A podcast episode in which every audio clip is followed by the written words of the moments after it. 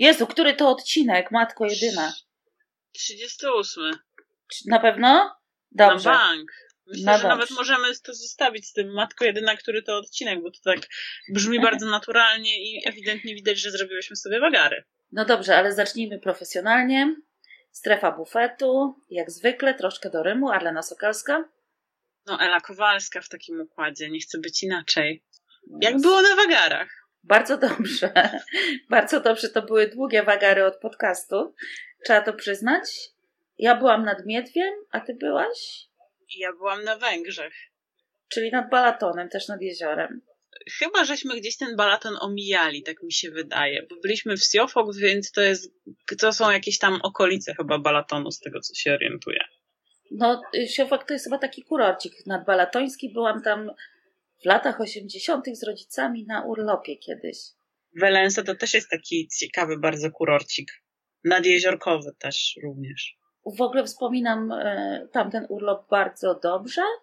Pamiętam te wakacje i pamiętam, że wtedy Węgry wydawały się krajem mlekiem i miodem płynącym, pełnym dobrobytu, pięknych, kolorowych ubrań, które sobie przywiozłam do Polski O Jesus. I dezodorantów w sprayu, których wówczas w Polsce nie było. Dużo można o Węgrzech powiedzieć, ale wydaje mi się, że kraj mlekiem i miodem płynącym to jest bardzo daleko posunięta teoria. Kuchnia świetna. Organizacja wyścigu powinni się trochę podciągnąć, ale ja, ja już doskonale wiem, dlaczego ty y, zaczęłaś y, i żeś wywołała te Węgry, bo tutaj zdradzimy trochę takich kulis y, podcastowych, bo Arlena jest tą osobą mądrą, która ogarnia te wszystkie programy i potem te podcasty montuje, a ja jestem tym rysiem, więc jestem na swoim miejscu, więc jestem tym rysiem, który e, przygotowuje plan podcastu, e, przygotowuje różnego rodzaju linki, wyszukuje ciekawostki i tak dalej.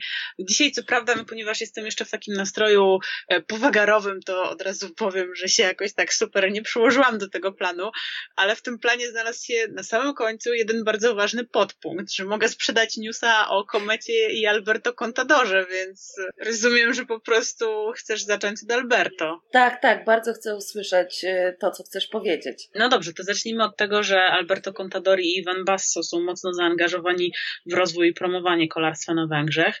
E, Przede wszystkim ze sprawą ekipy Kometa, to bodajże jest teraz ekipa kontynentalna. Oni mają ambicje, żeby w przyszłym roku była to ekipa prokontynentalna. Zależy im na tym, żeby tam było e, dużo młodych węgierskich talentów kolarskich, żeby to kolarstwo na Węgrzech promować. No i też między innymi dlatego, że Giro rusza w przyszłym roku z Węgier, tak? Panowie są znani w świecie kolarskim. Mogą komuś szepnąć miłe słówko na temat ekipy Kometa Cycling, aby dostała po prostu dziką kartę na wielkie tury, tak? Mamy Basso, mamy, mamy Contadora, więc myślę, że, że Giro i Vuelta to tak w zasięgu byłyby tej ekipy prokontynentalnej. Dina Marton właśnie z, z Komety, on był najlepszym Węgrem. Tam była też przyznawana taka koszulka dla najlepszego Węgra i, i wyprzedził naszego zawodnika Attila Waltera. A Kometa to jest taka firma produkująca, jest to firma może nie produkująca, ale zajmująca się, działająca w branży mięsnej. To ciekawe, że akurat oni kolarstwo. I byli e, zarówno Iwan Basso, jak i Alberto byli. Była konferencja przed pierwszym etapem właśnie w Valence. Oni tam chyba nawet honorowo coś przy starcie robili, więc panowie są ewidentnie coraz mocniej zaangażowani w ten projekt. To A jeśli bardzo słyszycie ciekawe. to, co tam, e, to, co tam leci, to, to samoloty mają nade mną trasę, więc zaczyna się właśnie wieczorny slot Milusia. I ja jeszcze się chciałam Ciebie dopytać, bo tak y, y, z takim lekkim przekąsem mówiłaś o tym, jak wyglądają dzisiaj Węgry. Czyli rozumiem, że nie jesteś zwolenniczką Budapesztu w Warszawie. Zdecydowanie nie. Tak Cię właśnie dopytam, jak, jakie na Tobie wrażenie te Węgry zrobiły Węgry jako Węgry? No wiadomo, że jak się jedzie na wyścig jest to wyścig taki typowo objazdowy, no to czasu na zwiedzanie nie ma, więc y, tyle, co zobaczyłam z auta dyrektora sportowego jadąc za, za peletonem, to tak skromnie bym rzekła. Ostatniego dnia, e, kiedy zaczynał się ten piąty etap, to ja sobie wstałam troszeczkę wcześniej, e, żeby się po prostu przejść po tym miasteczku, w którym żeśmy nocowali. No i powiem Ci, że miałam takie wrażenie, jakbym się naprawdę cofnęła mocno w czasie. I to tak mocno w czasie powiedziałabym do początku lat 90. E, Zrobiłam nawet kilka Insta Stories I między innymi sfotografowałam taką bardzo starą budkę telefoniczną, czyli coś, no ja w ogóle na przykład nie wiem, czy u nas w Polsce jeszcze gdziekolwiek są budki telefoniczne, tak? A tam stała budka telefoniczna na środku miasta. E, no i wiele, wiele osób poruszyło, e, poruszyło to zdjęcie w, w taki sposób, że, że jednak no to daje ci jakoś tak do myślenia, że, że kurde, u nas też były kiedyś te czasy i ja raczej do tego nie chciałabym wracać, tak? No, zdecydowanie nie. Wyjmując 3000 forintów z bankomatu w przeliczeniu na polskie wyszło mi to jakieś 37 zł. Też tak jak rozmawiałam z, z Attillą Walterem, to on mówił, że tak naprawdę jest Budapeszt i cała reszta, tak, Węgier, więc są pewnego rodzaju dosyć, są, są, są dysproporcje po prostu w tym kraju, no. Mhm. Jest skromnie, bym rzekła. O, więc nie, nie chcemy Budapesztu w Warszawie, absolutnie w tej sytuacji, e, wobec tego, co powiedziałaś. E, a powiedz mi tak właśnie z ciekawości, bo ja przyznam szczerze, że nigdy nie byłam na tak długo na wyścigu właśnie tej rangi organizowanej po, organizowanym poza Polską. Czy dostrzegasz jakieś różnice? Pytasz mnie w porównaniu do na przykład Tour de Pologne? No nie, no Tour de Pologne to już jest To jest poza, tak, tak, tak, to już jest poza konkurencją, no to totalnie ale chodzi mi o wyścigi organizowane w Polsce chociażby. Było kilka takich sprawek organizacyjnych, które na wyścigu takiej rangi no, zdarzać się raczej nie, nie powinny. Natomiast myślę, że oni sobie też to wzięli w jakiś sposób do serca, bo my żeśmy na bieżąco, jeśli można tak używając ładnego języka korporacyjnego, e, na bieżąco był feedback e, dawany organizatorom rozmawialiśmy, mieliśmy też e, takie dosyć fajne wsparcie z e, węgierskiego CCC. Bardzo miło się nami zajęli i przyszedł prezes e, na spotkanie z kolarzami, żeby wypić sobie kawkę właśnie przed, przed jednym z etapów I, i mieliśmy wsparcie od takiej dziewczyny, która zajmowała się marketingiem, więc jak tam mieliśmy po prostu jakieś kłopoty organizacyjne, to, to po prostu no, wykręcaliśmy numer i prosiliśmy o, o jakieś wsparcie, chociażby na przykład też w tłumaczeniu, tak? Bo jednak na Węgrzech język angielski czasami nie jest językiem może nie obowiązującym, ale nie wszyscy mówią po angielsku, więc czasami po prostu łatwiej było zadzwonić do kogoś, kto mówi płynnie po węgiersku, żeby móc po prostu ten, żeby ten przekaz no, jasno i klarownie e, został przekaz został przekazany za wysokie temperatury są w tym kraju, żeby po prostu przekazać tak naprawdę, co nam mhm. jest, e, co nam potrzebne. jest potrzebne. Po prostu.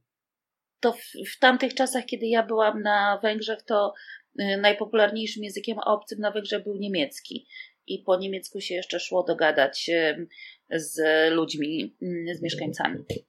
A tak, rzeczywiście to potwierdzam, e, ponieważ zdarzyło nam się e, szybko tam wyskoczyć, czy po jakąś kawę, czy, czy na jakieś lody przed startem. E, to też właśnie jakby język niemiecki był tam w jakiś sposób bardziej obowiązujący niż angielski. No ale zawsze można było zapytać kogoś, kto stał obok i wyglądał jak Węgier, czy, czy mówi przypadkiem po angielsku. No i akurat mi się zdarzyło tak, że, że była to osoba, która mówiła po angielsku, więc więc pomogła. No dobrze, to teraz przejdźmy do tych y, bardziej przykrych y, wiadomości, jakie ostatnio dotarły do nas. Przede wszystkim y, chciałabym powiedzieć, że chyba obie życzymy bardzo mocno Karolowi Domagalskiemu powrotu do zdrowia. Tak, przede wszystkim do zdrowia, bo ja nie wiem, czy, czy możemy tutaj mówić o powrocie do kolarstwa, ale przede wszystkim do zdrowia. No, zwłaszcza to przykre, że się wydarzył ten wypadek w bardzo fajnym wyścigu i chyba całkiem nieźle e, zorganizowanym, jak słyszałam od e, kolarzy, którzy w nim uczestniczą. I, i tak po prostu, no to, jakiś taki totalny pech, bo, bo gdyby nie, gdyby nie ta betonowa mm, część mostu, to pewnie Karol Domagalski był wstał i się otrzepał i pojechał dalej, a tutaj po prostu no, taka katastrofa zupełna. Ja też przeczytałam na Twitterze e, wyścigu Sibiu Tour, który jest organizowany w Rumunii, na który my też się wybieramy. Nie wiem na ile to jest oficjalna informacja i czy ekipa Hurom to potwierdziła, ale właśnie organizatorzy Sibiu napisali, że, e, że ekipa Hurom wycofała się z wyścigu. Więc no, no przykra bardzo sytuacja. Tak ciężko się mówi o takich osobach, z którymi się kiedyś jeszcze rozmawiało w jakiś sposób, gdzieś tam się miało jakieś kontakty zawodowe, więc no, trzymamy kciuki po prostu. Dokładnie i życzymy powrotu do zdrowia. Tak samo jak życzymy powrotu do zdrowia Marianne Vos, która nieszczęśliwie w tym samym dniu co Chris Froome e, upadła w Wielkiej Brytanii i, i ma to dla kobiety wyjątkowo przykra kontuzja, bo miała zakładane szwy na twarzy. Więc y, bardzo jej współczuję i mam nadzieję, że szybko wróci do zdrowia. No i Chris Froome na koniec, bo to jest cała wielka y, epopeja do obgadania.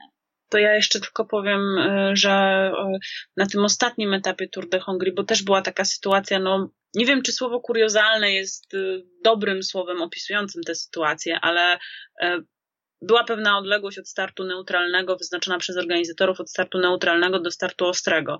To było bodajże około, dwóch, około 2 kilometry. No i dosłownie 200-300 metrów przed startem ostrym e, Alois Kankowski, którego pewnie znają dobrze kibice, polscy, kibice polskiego kolarstwa, bo on w Polsce dosyć dużo wygrywał, zresztą na Węgrzech też wygrał. Z tego co pamiętam jeden etap, dosyć nieszczęśliwie się wywrócił. My żeśmy rzeczywiście mijali go e, samochodem, jak, jak leżał, zatrzymywał się przy nim jego samochód techniczny. Nie, nie miałam okazji śledzić newsów, ale z tego, co żeśmy usłyszeli, to on bodajże o coś zahaczył, o jakąś część samochodu, no i skończyło się na tym, że miał złamaną kość udową. Bardzo nieszczęśliwy i właśnie w takich okolicznościach no, dosyć kuriozalnych, bo, bo chłop się jeszcze nawet ścigać nie zaczął. No, to prawda. I, I taka sama kontuzja, jaka dotknęła e, Chrisa Fruma, którego oprócz tego dotknęło jeszcze znacznie więcej kontuzji, dlatego że tam jest i złamana kość udowa, i złamany łokieć, e, i pęknięty krąg szyjny, i jeszcze kilka różnych innych urazów. Sytuacja zdrowotna według mnie Fruma jest e, dosyć poważna, o tyle, że lekarze mówią, że to jest co najmniej 6 miesięcy rehabilitacji co oznacza, że no, jeżeli powróci nawet, to powróci wiosną, a też trudno w tej chwili chyba oszacować, w jakim stanie powróci, czy będzie w stanie w ogóle rywalizować. Rywalizować na tak wysokim poziomie, jakim był. I czy, czy w ogóle będzie w stanie wsiąść na rower. Tutaj czytałam bardzo ciekawą wypowiedź Józefa Belokiego, któremu właśnie taka kontuzja trochę złamała karierę. To jest ten słynny słynny etap do Gap, gdzie y, Lance Armstrong y, pędził rowerem przez rżysko y, po ściętym zbożu, żeby ominąć Belokiego i, i Armstrong się wówczas wybronił przed upadkiem, natomiast Beloki leżał na tym asfalcie i no i właściwie prędkością on przywalił, nie? Tak, tak. To na, na zjazdach było. No i właściwie Beloki już nigdy nie wrócił w każdym razie, no to, to, to bardzo po, poważna historia. Ja tu jeszcze chciałam powiedzieć, że przeczytałam bardzo długi tekst Nila Rogersa, który próbował rozbroić te wszelkiego rodzaju teorie spiskowe, które się natychmiast e, pojawiły, ponieważ jeśli chodzi o wypadek Fruma, tam było bardzo dużo niejasności. Nie było żadnego filmiku, żadnego zdjęcia z tego wypadku. Jest e, filmik krótki sprzed wypadku, kiedy to e, jadą sobie Frum i Wout Puls i Wout Puls, Frum nakłada kurtkę zdejmując obie ręce z kierownicy, a Wout mówi y, Chris, nie ryzykuj aż tak bardzo.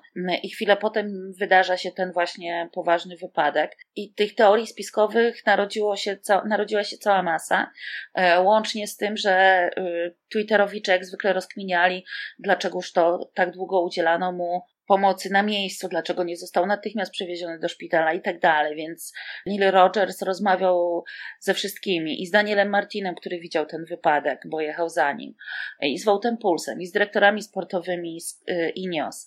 I rozmawiał, dotarł również do profesora y, w szpitalu w Saint-Étienne, y, gdzie Frum został przewieziony i ten profesor mu właśnie tłumaczył, że tak długo była pomoc na miejscu udzielana, ponieważ Francuzi mają zupełnie inny system medyczny, polegający na tym, że w karetce czy w helikopterze, w śmigłowcu medycznym jest lekarz, którego obowiązkiem jest zabezpieczyć pacjenta, że nie za wszelką cenę jak najszybciej do szpitala, tylko za wszelką cenę zabezpieczyć go w taki sposób, żeby jakby nie podlegał urazom i żeby jego sytuacja y, była ustabilizowana. Natomiast wydaje mi się, że sądząc po tych obrażeniach, jakie dotknęły Fruma, ja zresztą od samego początku miałam takie, takie podejrzenia, że te obrażenia Fruma są poważniejsze niż, niż nam pisano. No, No bo I... po co by żonę ściągali, nie? Z, tak szybko. Tak szybko, błyskawicznie do szpitala, Chociażby, tak? nie? Natomiast on stracił bardzo dużo krwi, e, był nieprzytomny zaraz po wypadku, więc myślę, że e, obawiano się naprawdę. Najgorszego po prostu. No. Można to chyba w ten sposób określić, że obawiano się najgorszego. Więc wydaje mi się, że tutaj oczywiście wszyscy mówią, że, że Frum jest wojownikiem. Ja też uważam, że on jest wojownikiem. Jest bardzo silny psychicznie, co pokazał chociażby na Giro w ubiegłym roku. I też wygrywając e, wielkie tury, bo zawodnik słaby psychicznie nie jest w stanie nie osiągać. Wygra. Więc mam nadzieję, że. Mm, to chyba będzie naj, najtrudniejsza walka, jeśli chodzi o, o to, co Chris Froome do tej pory przeszedł. I tutaj niestety jest też tak, że czasami Akurat w tym wypadku czasami siły psychiczne nie wystarczą, to znaczy czasami ciało nas zdradza. Oby go nie zdradziło, oby się udało. No, on już jednak ma 30 parę lat, więc też jest troszeczkę na zupełnie innych tak, zasadach funkcjonuje ten organizm. Każdy organizm jest inny też, tak? Oczywiście, że tak. I to też podkreśla Beloki, mówiąc o tym, że on oczywiście może mówić o swoim doświadczeniu, o swojej kontuzji, natomiast nie wie, jak funkcjonuje organizm Pruma i tak naprawdę też my do końca nie wiemy, jakiego rodzaju są to obrażenia, bo no, wiadomo, udziela się nam takich informacji, jakie zawodnik i drużyna uznaje za, za zasadne tak, też. Zasadne, tak, to prawda. Też nie każdy zawodnik chciałby upubliczniania w ogóle um, takich pełnych informacji zdrowotnych na swój temat. Co jest całkiem zrozumiałe. Ja tutaj nie mam, nie mam najmniejszych problemów z tym. Natomiast tak odchodząc y, od samego Chrisa Fruma, no to zaczęła się robić taka dosyć intrygująca sytuacja w kontekście Tour de France. Tak, to prawda. To prawda, bo no chociażby tak, w samym Ineos teraz, ja cały czas jednak myślę o nich jako Sky. Ta kraksa Geraint'a Tomasa, o której Bernal e, mówił, że wyglądało to poważnie, na szczęście nie jest poważna, tak? No ale już tutaj zespół będzie może nawet jeśli nie tyle kompletowane inaczej, to inaczej będą na pewno rozdzielane role. Teraz w kolarstwie wszyscy wiedzą, że od już pewnego czasu jeździ się na dwóch liderów, tak? Więc no, wiadomo, że pierwszym liderem będzie Geraint Thomas, ale jak wiemy, Geraint Thomas to potrafi się czasami nawet o własne koło potknąć, więc jakby tutaj drugi lider jest absolutnie wskazany. No właśnie. jeśli nawet, jeśli nawet nie trzeci, bo Egan Bernal też jest zawodnikiem, który potrafi, no nie pojechał chociażby na Giro d'Italia, e, bo się gdzieś tam wyłożył. Miał już mimo bardzo młodego wieku i w sumie e, krótkiej kariery w Werturze miał już kilka bardzo groźnych wypadków. E, chociażby, co prawda w Hiszpanii go tak dopadało, bo raz na Katalonii się poważnie wywrócił, a drugi raz w ubiegłym roku na San Sebastian. No to też no jest taki zawodnik, na którego, tak. na którego trzeba uważać. No to zostaje chyba on. No jeszcze jest Vote Pulse. A. Ta kolejka jest jakby... Jakim jesteś, jakim jesteś kibicem? Ja jestem dobrym kibicem, natomiast no tutaj trzeba patrzeć y, realnie na, na całą sytuację. Y, no i tutaj jednak Vote Pulse gwarantuje lepszą jazdę w górach chyba y, jednak mimo wszystko. Natomiast pytanie w ogóle, co się wydarzy i czy i czy mm, ten Tour de France przez to nie będzie bardziej otwarty, bo ja tak sobie myślę, że Skype zawsze było znane z tych pociągów, które tak uporczywie jechały po tych górach i tak dalej, i tak dalej. Czy ci kolarze, ten drugi, trzeci, czwarty, piąty pomocnik... No potrafili też tak jechać dalej, tak, tak. tak to utrzymać, nie? Tak, ale też w kontekście tego, że mając takiego zawodnika jak y, Chris Froome w roli lidera, y, to czasem taki pomocnik jest w stanie tam wykrzesać siebie takie to dodatkowe siły. Przysłowiowe 110%, to tak? tak? jak Polian tam mówi, no jak Rafał poprosił, żebym pociągnął, to pociągnąłem, tak? No już tam ledwo tak. zipiał, tak? Dokładnie. Trochę tutaj może być też tego, że ten pociąg y, nie będzie aż tak bardzo, bardzo no, skuteczny. Y, w związku z tym też a może to też zadziała właśnie na zasadzie takiego takiego dekenika, tak? Bez Toma Bonena. Może właśnie ten zespół też będzie jakoś tak inaczej funkcjonował i, i będzie bardziej bardziej otwarty, żeby zagrać w tę grę, którą, w którą będą chciały grać inne drużyny. No, co też sprawi pewnie, że wyścig się otworzy. Ineos na kryterium Dauphiné po utracie Froma próbowało wygrać etap, co im się zresztą udało, bo próbował Michał Kwiatkowski, niestety jemu się nie udało, ale tego dnia wygrał Wout Puls etap, a następnego dnia wygrał Dylan Van Barle, który był w odjeździe. Więc e, jest też kim nie... grać, no mają kim rozdawać karty, tak? To nie jest słaba drużyna, tak? Więc no na pewno przygotują się na różne rozwiązania taktyczne, tak? I na pewno przygotują się właśnie na to, że, że będą w jakiś sposób kąsani i podgryzani od samego początku, tak? Tak myślę i tak się powoli, y, powoli zaczyna mówić, że e, ci zawodnicy, którzy wybrali się na Giro, które było bardzo mocno obsadzone, mm, dzisiaj trochę żałują, że jednak się nie wybiorą na e, Tour de France. Tour de France, bo szanse, no. Tak, bo szanse rosną, natomiast wydaje mi się, że Tour de France też będzie bardzo, bardzo, bardzo mocno e, obsadzone.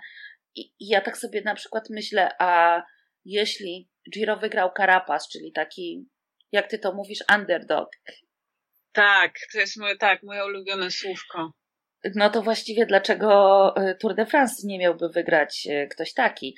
Na przykład Marc Soler. Tak dzisiaj sobie pomyślałam, przeglądając listę, listę startową. Oczywiście Mark Soler pewnie będzie miał inne zadania i będzie e, jechał na Quintanę, który nie pokazał niczego w kryterium Dauphiné. Poza tym jednym momentem, kiedy atakował na tym przedostatnim etapie, i co ciekawe, że doskoczył do, nie, do jego koła Michał Kwiatkowski i sobie tak yy, dosyć swobodnie, swobodnie podążał za Quintaną. Więc e, pytanie jest takie, czy Quintana nie jest tak mocny jak kiedyś, bo kiedyś nadążyć za Quintaną było niezwykle trudno. E, czy też. Czy to jest zasłona dymna? Nie, czy też Kwiato jest tak mocny w tej chwili w górach, że może sobie swobodnie jechać za Quintaną. Natomiast to jest też to. to się okaże. No to się okaże oczywiście. To jest też to pytanie, które ty zadałaś, czy ci Kolumbijczycy i w ogóle ludzie z południowej Ameryki, tak jak Carapaz z Ekwadoru, wykoszą wszystkich europejskich górali no tak jak ja rozmawiam od czasu do czasu, jak sobie rozmawiałam o tym wielkim kolarstwie tutaj e, w takim e, gronie i w takich sytuacjach mniej zobowiązujących, no to zwracają uwagę na to właśnie zawodnicy, czy, czy też obsługa, która w jakiś sposób no, siedzi w tym kolarstwie od lat, tak, że że jednak widać ten zaciąg południowoamerykański, no bo oni też mają troszeczkę inne predyspozycje mimo wszystko, tak? Wychowując się na takich wysokościach i od dziecka po prostu na przykład przymierzając do szkoły, tak? Trasę, wiesz, o przewyższeniach takich, że u nas jest ciężko to zrobić na treningu, tak? To, to, to oni od tego zaczynają. No, słynny, się, słynny właśnie... przykład, przepraszam, że ci przerywam, e, słynny przykład Quintany, który miał e, pod górkę nie tylko do szkoły, ale i ze szkoły miał pod górkę. Więc może to też być pewnego rodzaju trop, tak? Też się słyszy o tym, że właśnie te ekipy drugiej czy trzeciej dywizji też starają się wyłapywać takich Kolumbijczyków, czy, czy Kolumbijców, tak? Jak się, jak się poprawnie mówi w peletonie, chociaż nie poprawnie po polsku, ale starają się właśnie wyłapywać takich młodych chłopaków, przejmować ich, no i jakby tak podpisywać na trochę dłużej kontrakt. Wtedy jak przychodzi e, ekipa z tej wyższej półki, no to oni mówią, nie no, oczywiście, jasne, jasne, a tutaj ma z nami kontrakt, więc może jakieś odstępne. Więc no też jest to pewnego rodzaju sposób na, no na biznes, tak? E, natomiast rzeczywiście no jest to w jakiś sposób e, widoczne, że, że ci południowoamerykańscy kolarze, że jest ich coraz więcej, no i tak idzie im dobrze. Tak, natomiast ja się zastanawiam e, nad jednym, ponieważ akurat właściwie najstarszym takim Kolumbijczykiem e, utytułowanym w wielkich turach jest Rigoberto Uran, który czyli mówię o ostatnim. Tak, czyli mówię o tym ostatnim pokoleniu. Potem był Nairo Quintana, o którym się mówiło, że będzie wygrywał wielkie tury po prostu jeden za drugim. No i faktycznie wygrał Giro, wygrał Vuelta, ale nigdy nie wygrał Tour de France w tym roku no, na kryterium Dauphiné nie wyglądał na zawodnika, który e, mógłby wygrać e, Tour de France, ale kto go tam wie. Może to taka zasłona dymna, albo jeszcze jest sporo czasu w sumie e, do Tour de France i może ta jego forma po prostu będzie, będzie gdzieś tam sobie rosła. Ale też ci zawodnicy, mam wrażenie, są dosyć chimeryczni bardzo często jest tak, że po wielkich sukcesach następują u nich lata troszkę gorsze. Posłuchy. Zastanawiam się, czy jest to związane z, z przenosinami do Europy, zmianą trybu życia ym, i tak dalej, i tak dalej, takim trochę zachłyśnięciem się e, pewnymi rzeczami. A z drugiej strony mam wrażenie, że oni jako bardzo młodzi zawodnicy sprawiają fantastyczne wrażenie, aż takie za fantastyczne wrażenie, e, a potem już jest trochę gorzej. Tak jakby się przedwcześnie wypalali, może to też jest kwestia właśnie jakiegoś tam dobrania, tak? Treningu, ułożenia tego wszystkiego, żeby to jednak szło w jakiś tam taki stopniowy sposób, tak? A nie właśnie taki, żeby to był jednorazowy boost of form, jak to się też, też mawia. Trzeba przeobserwować. To jest dobry czas, żeby przeobserwować. Możemy sobie przeobserwować tego Bernala na przykład, tak? To też jest ciekawy case. I popatrzeć na niego. Tak jak mówiłam, znaczy z jednej strony wyjątkowy talent, a z drugiej strony no pytanie, co będzie dalej, a z trzeciej strony y, zawodnik, który często ulega wypadkom. Bar bardzo to ciekawe. Znaczy, mnie się osobiście wydaje, że wygrać Tour de France będzie tak samo trudno jak z Fromem w roli głównej. I nawet gdyby to miał być jakiś zawodnik, no może ja też trochę powątpiewam we francuskie zwycięstwo. Mimo tego, że ja bardzo lubię i Bardeta, i Pinota. A może Richie Port się w końcu przełamie. Richie Port to jest w ogóle dla mnie... No tak, no to wiemy, to jest taki drugi tak. Geraint trochę, no. Tak.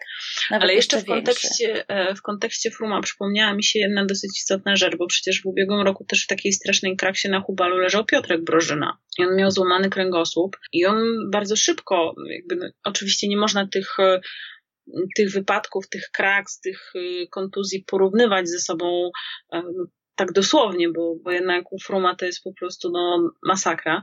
U Piotra było złamanie kręgosłupa, ale on bardzo szybko powrócił do ścigania i z tego jak rozmawialiśmy, to on też powiedział, że bo ja się też bardzo zdziwiłam, bo on we wrześniu wsiadł już na rower, tak? Czy, czy nawet pod koniec sierpnia i się ścigał. I on powiedział, że bardzo dużą, i to też lekarze mu potwierdzili, że bardzo dużą rolę odegrały te wszystkie ćwiczenia typu core stability, tak? Że on miał te wszystkie mięśnie głębokie no, bardzo dobrze przygotowane, tak? Bardzo dobrze wyćwiczone i to w dużej mierze no, uratowało mu zdrowie i karierę, tak? Więc to też e, odnośnie tego, co rozmawiałyśmy, tak? Odnośnie tego, że każdy organizm inaczej reaguje, no ale jednak też to trzeba pamiętać, że to przygotowanie Chrisa Froma do sezonu, tak? No, ono było jednak dopięte w najdrobniejszych szczegółach.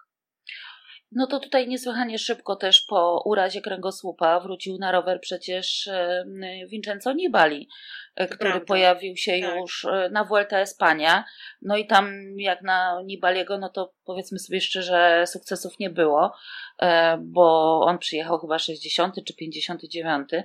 Natomiast za chwilę potem był drugi w Lombardii, więc więc też bardzo szybko wrócił do siebie.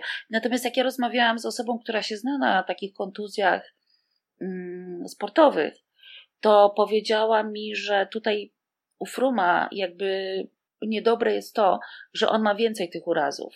No że tak, tak czym no. innym jest dochodzenie do siebie po takim pojedynczym urazie, tak jak na przykład Valverde miał e, kontuzję kolana dosyć poważną po tym upadku na Tour de France e, w Düsseldorfie, tak, e, tak samo Nibali miał tylko te, te, tę jedną E, tę jedną kontuzję, a tutaj Frum ma ich bardzo, bardzo dużo i nawet mm, chociażby z powodu tego, że jest ten łokieć uszkodzony, to na przykład y, będzie problem z ciężką tak. Z poruszaniem się chociażby o kuli, czy z jakimkolwiek wsparciem i tak dalej, więc y, no. Wracamy do tego wątku o francuskim zwycięstwie. Tak. O co w ogóle chodzi z tym?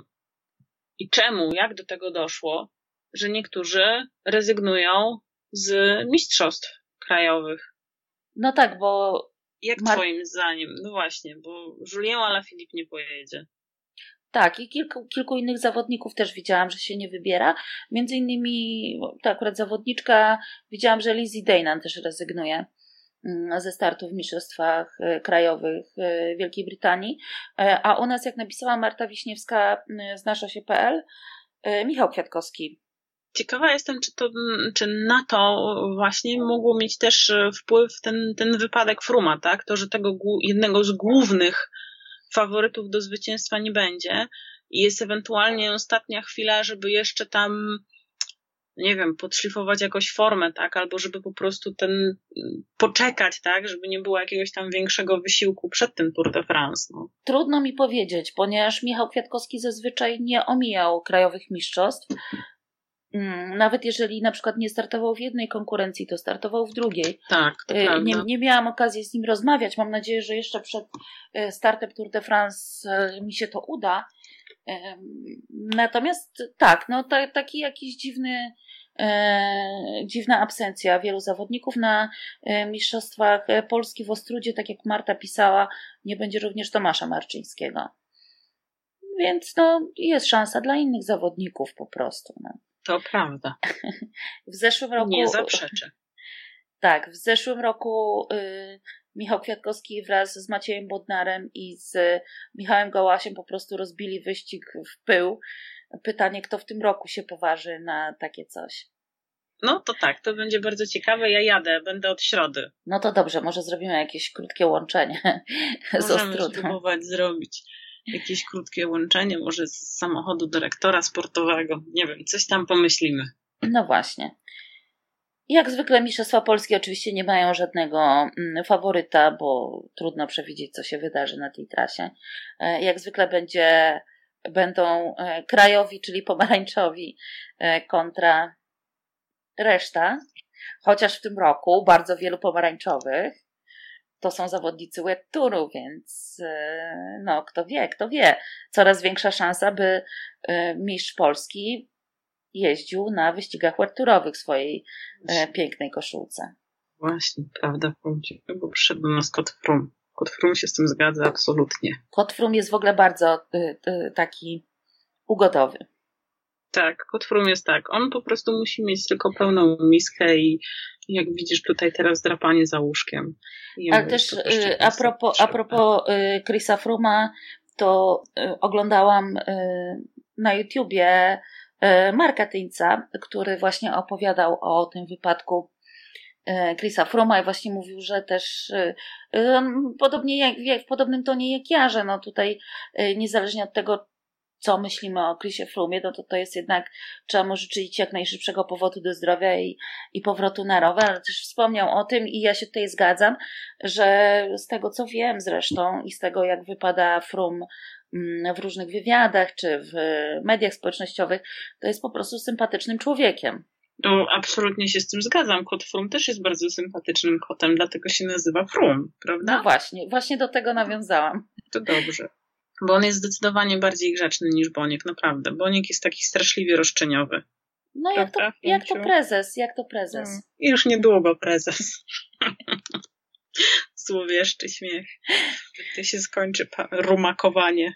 No więc y, podsumowując to, ja się nie mogę doczekać y, trochę Tour de France.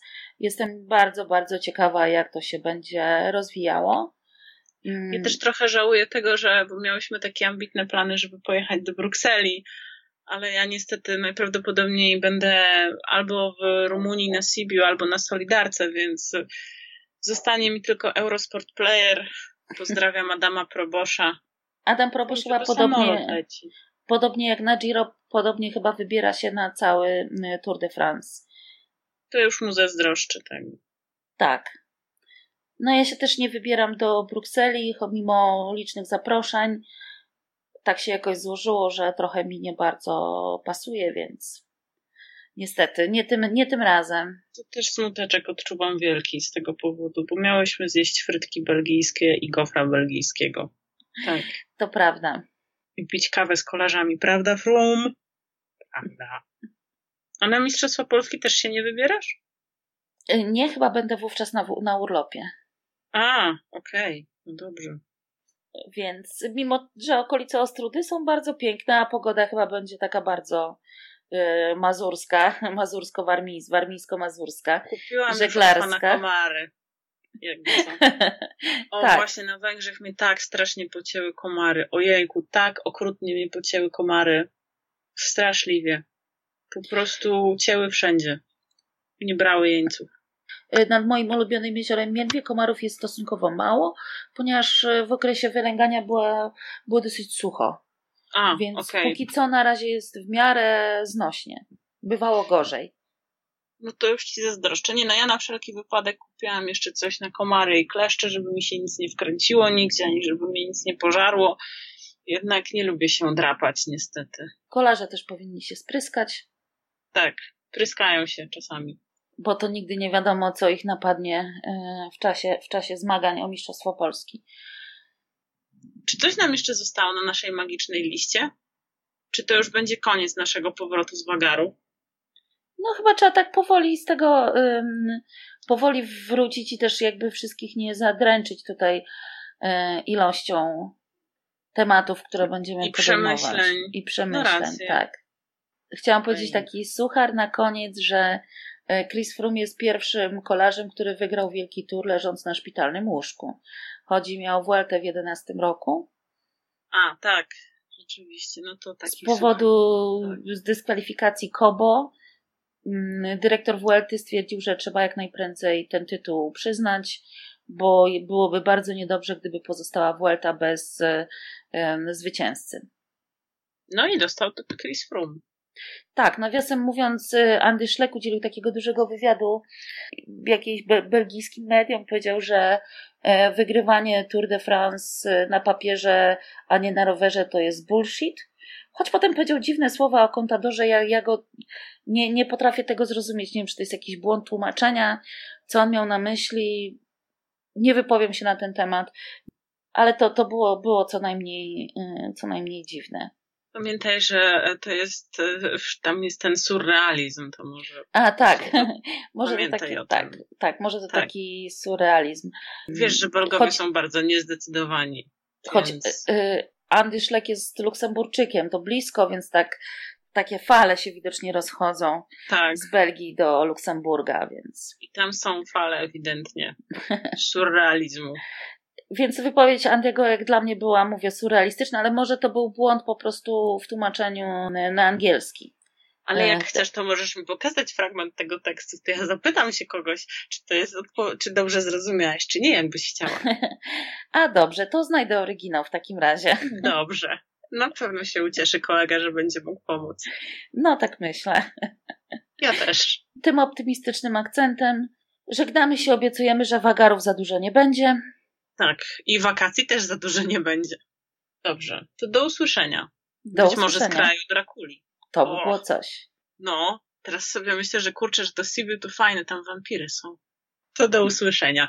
I pamiętajcie, mimo iż zrobiłyśmy sobie wagary i należy nam się e, pewnego rodzaju kara, e, no ale jakby te lajki, suby i w ogóle wszystkie gwiazdki, uśmieszki, kciuczki w górę na SoundCloudzie, iTunesie i na Spotify. Spotify. Są zawsze mile widziane. Mordeczki nasze kochane.